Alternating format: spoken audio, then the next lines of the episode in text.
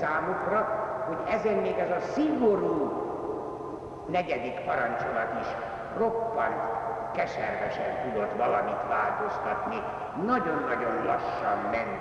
Gondoljunk csak arra, hogy a zsidók évszázados történelmében mindig az apáról a fiúra szállt a minden jó tulajdonképpen, függetlenül attól, hogy ez a fiú melyik feleségtől, vagy melyik mellékfeleségtől, vagy melyik rabszolga nőtől született meg.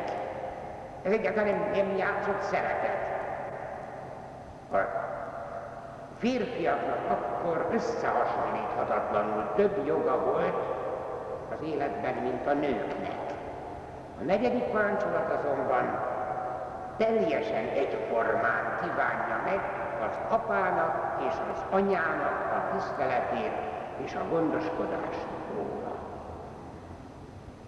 Annyira újszerű volt ez a parancs akkor, hogy évszázadokon keresztül alig tudott megvalósulni a maga teljes egészében, pedig a proféták sokszor figyelmeztették rá a népet, sokszor újra értelmezték, sokszor újra magyarázták megváltozott viszonyok szerint azokhoz alkalmazva. Még olyan értelemben is, hogy ebből a parancsból vezették le azt a követelményt, hogy maguknak a szülőknek is súlyos kötelességük tiszteletre méltóvá lenni gyermekeik előtt. Azt hiszem nagyon messzire vinne, hogyha én most részletesen elemezném az Ószövetségnek azt a számtalan helyét, ahol éppen a negyedik parancsolattal kapcsolatban a szülőkről van szó, a szülők tiszteletéről. A Jóisten már a gyermekektől szeretetet és engedelmességet kíván a szülők iránt, ez is sokszor hangsúlyozódik. Megható és szemléletes példákat olvashatunk az Ószövetségben, hogy milyen hatalmas áldozatokra képesek a szülők gyermekeik érdekében. Aztán arra is, hogy arra is figyelmeztet az Ószövetség, hogy a gyermeknek a szeretete a szülője iránt, a gyermeknek a hálája a szülője iránt, az csak egy homályos vízfénye annak, amit a szülőktől kap a gyermek. Az, azok itt az áldozatokért, amiket a szülők a gyermekért hoznak. Csak egyetlen egy példát, egy nagyon kedves példát hadd említsek meg az Ószövetség egyik bölcsességi könyvéből, a Sirákia könyve, így ír a fiatalok jutalmáról, amelyet a szülők tiszteletéért kapnak Istentől. Fiam, szóban és tettben tisztelt apádat és anyádat, hogy áldáson szálljon életedre. Aki tiszteli apját, az levezekli bűneit, az hosszú életű lesz, és örülhet majd fiai sokaságának. Aki becsüli anyját, kincset gyűjt magának, és meghallgatást nyer minden imádsága. Magának az Istennek szolgál az, aki szüleinek gondját viseli, és fölüdíti őket.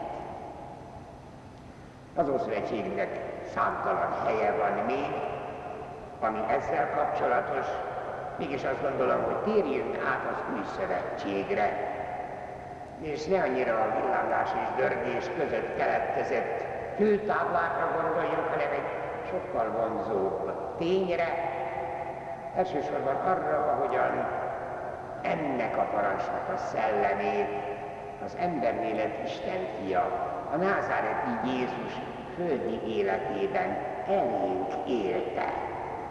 Tegyük csak azt az egyetlen jelenetet, amikor Jézus világosan megmondja, hogy a szülők csak akkor számíthatnak gyermekük engedelmességére, ha maguk is teljesen belesimulnak az Isten akaratába. A 12 éves Jézus szavai erre utalnak a Jeruzsálemi templomban. Miért keresnek? Hát nem tudtátok, hogy nekem atyám dolgaiban kellett? Hát, hogy ezt ti is tudjátok, akkor együtt vagytok az Istennel. Tehát akkor világos. Mert utána rögtön azt mondja Lukács evangélista, teljesen félreérthetetlenül világosan, hogy Jézus velük ment, visszatért Názáretbe, és engedelmeskedett neki. és egy gyarapodott korban, bölcsességben és kedvességben Isten és az emberek előtt. Hogy ide vehetjük a kánai mennyegzőnek az esetét is, vagy Jézusnak azt a tanítását, hogy aki teljesíti mennyei atyám akaratát, az az én testvérem, az én nővérem, az én anyám. Vagy a, a kereszten halódó Jézus. Hát milyen hallatlan nagy példát mutatott a fölnőttnek a szülőkről való gondoskodásra. A legkeservesebb kínjai között is gondoskodik az édesanyjáról, amikor legkedvesebb tanítványára bízza. Jánosra, nézd, ő a te anyád. A mi számunkra azonban én azt hiszem, hogy a leghasznosabb lesz, a negyedik parancsolatot Jézus példájának, Jézus tanításának, az új szövetségi szentírás utalásainak ismeretében az egyház hite szerint a maga átfogó valóságában szemléljük, és feleletet próbálunk adni arra, hogy mit kíván ma tőlünk, mit parancsolt ma nekünk a negyedik parancsolat. Természetesen onnan kell elkezdenünk, hogy a Teremtő Isten szeretetének zálogául áldását adta az első emberpárra, hogy ők és a egész földet betöltő leszármazottaik is mindig Istenhez hasonló és a földet uraló lények legyenek.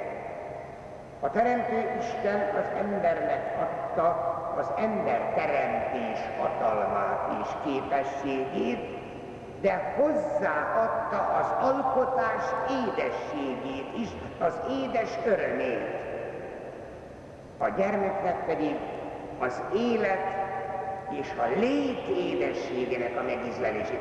Azért szokták azt mondani, hogy a családban valamicske megmaradt a paradicsomból, az édenkertnek a boldogságából. Nos, ezt a paradicsomi emléket akarja megőrizni, erre akar vigyázni a negyedik parancsolat.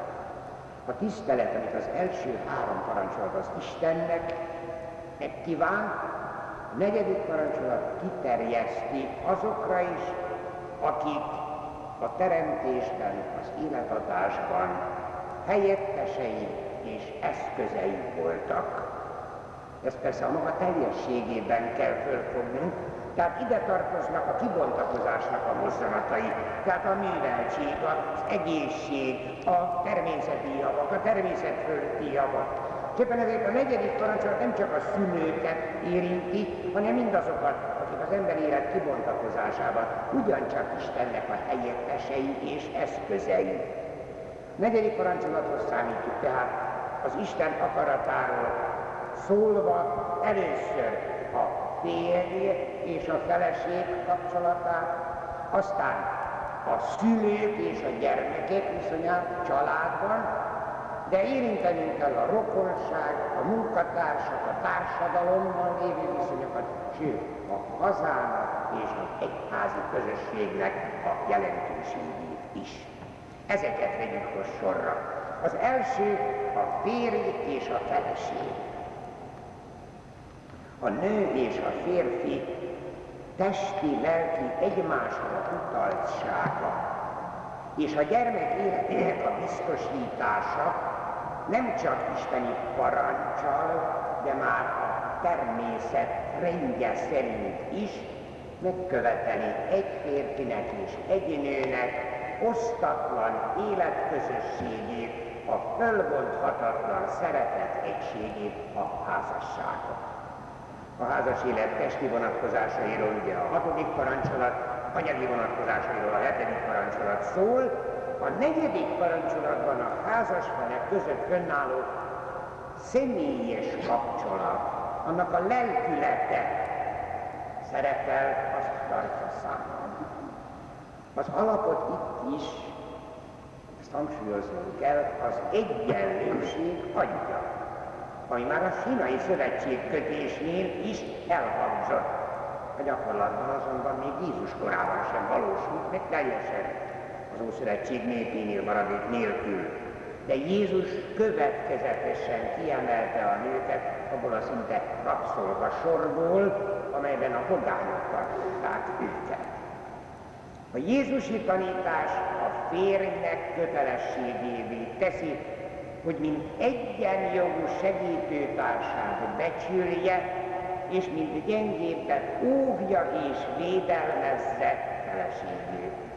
A feleség pedig ne kötelességének, hanem örömének és saját emberi kibontakozásának lehetőségeként érezze férjével való kapcsolatát.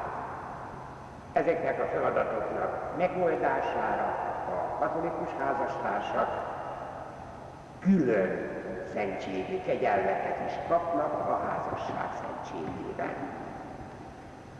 Sokszor félreértik Pálapostolnak ezzel kapcsolatos néhány mondatát, amit az efezusiaknak írt a házasságról, illetve a házastársak közötti szeretett kapcsolatról. Az apostol szerint most idézem, az asszony engedelmeskedjék férjének, akár csak Krisztusnak, az Úrnak, mert a férfi feje a családnak. Ahogyan Krisztus is feje egyházán, a férj pedig úgy szeresse feleségét, ahogyan Krisztus szerette egy házát, és föláldozta magát érte. Hát, hogyha itt minden szót megfigyelünk, és az egészre vetítjük a figyelmünket, akkor azt kell mondani, hogy ennél szebbet alig ha mondtak a házastársak kapcsolatáról. Annyit jelent, hogy a férnek és a feleségnek a szeretet egysége olyan kell, hogy legyen, mint az Úr Jézus egysége az egyházával. A férj gondoskodó és egészen önfeláldozásig odaadó legyen, mint Jézus volt az egyházában. A feleség pedig olyan gyöngéden simuljon férjéhez, mint ahogyan az egyház simul jegyeséghez Jézushoz. Úgyhogy ebben az ígatta világon semmi, nincs olyasmi, ami az egyenlőséget megsérteni, csak egy olyan kedves hasonlat, egy olyan nagyon mély hasonlattal Krisztusnak az egyházhoz való kapcsolatával hozta össze Pálapostól a házas felek kapcsolatát. Ilyen egymásért élő és készségesen segítő szeretet legyen kettejük között, és akkor a kettő nem csak egy testé válik, hanem egy lélekké is összeforrad a házasságban. Csak is ilyen házas élet teszi igazán lehetővé a gyermekeknek, hogy valóban tiszteljék apjukat és anyjukat. Nagyon megnehezíti ezt az, ha a gyermeknek komoly és szomorú tapasztalatai vannak szülei egymás közötti szeretet kapcsolatáról, ezért tartozik a negyedik parancsolat. Hoz a szülők házas életének a miensége is. A gyermeklélek helyes kifejlődésére nem csak a oktatás vagy a nevelés van hatással, hanem még sokkal inkább a jó példa.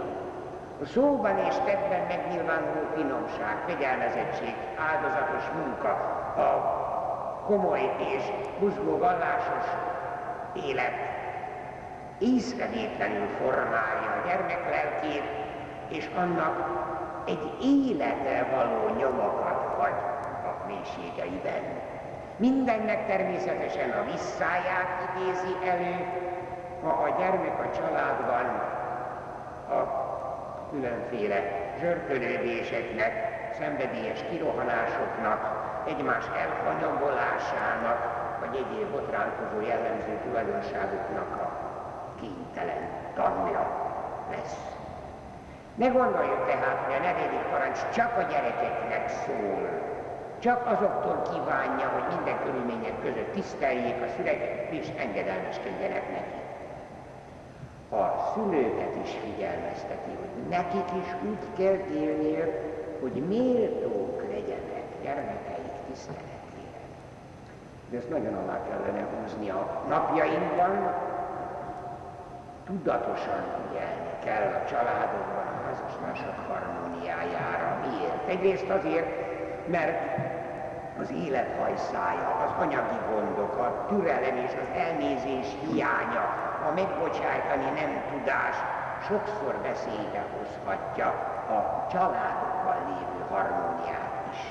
Másrészt pedig azért, mert a gyermekeket manapság annyi rossz hatás éri az utca, a pajtások, az iskola, a korszellem részéről, hogyha a családban nem találják meg az életnek ezt a meleg harmóniáját, akkor teljesen kilátástalan lesz az egészséges kibontakozások. Sok. Akkor szörnyetegekké válnak. Ennek a veszélye nagyon-nagyon megvan manapság. Úgyhogy ezért kell hangsúlyoznunk a negyedik parancsolatnak ezt a részét is, ami megkívánja azt, hogy a szülők is gondoljanak arra, hogy a negyedik parancsolat a gyermekektől igazi tiszteletet és engedelmességet kíván, de erre nekik is méltóknak kell lenni. Nos, a következő kérdéscsoport a szülők és a gyermekeknek a viszonya a negyedik parancsolat szerint, de ez annyi olyan sok mindent foglal magába, hogy ebben ma ne kezdjünk bele, a jövő szerdán folytatjuk. Addig is áldjon meg bennünket a mindenható Isten, az Atya, Fiú és a Szent Lélek. Amen. Dicsértessék a Jézus Krisztus. Mindenekért.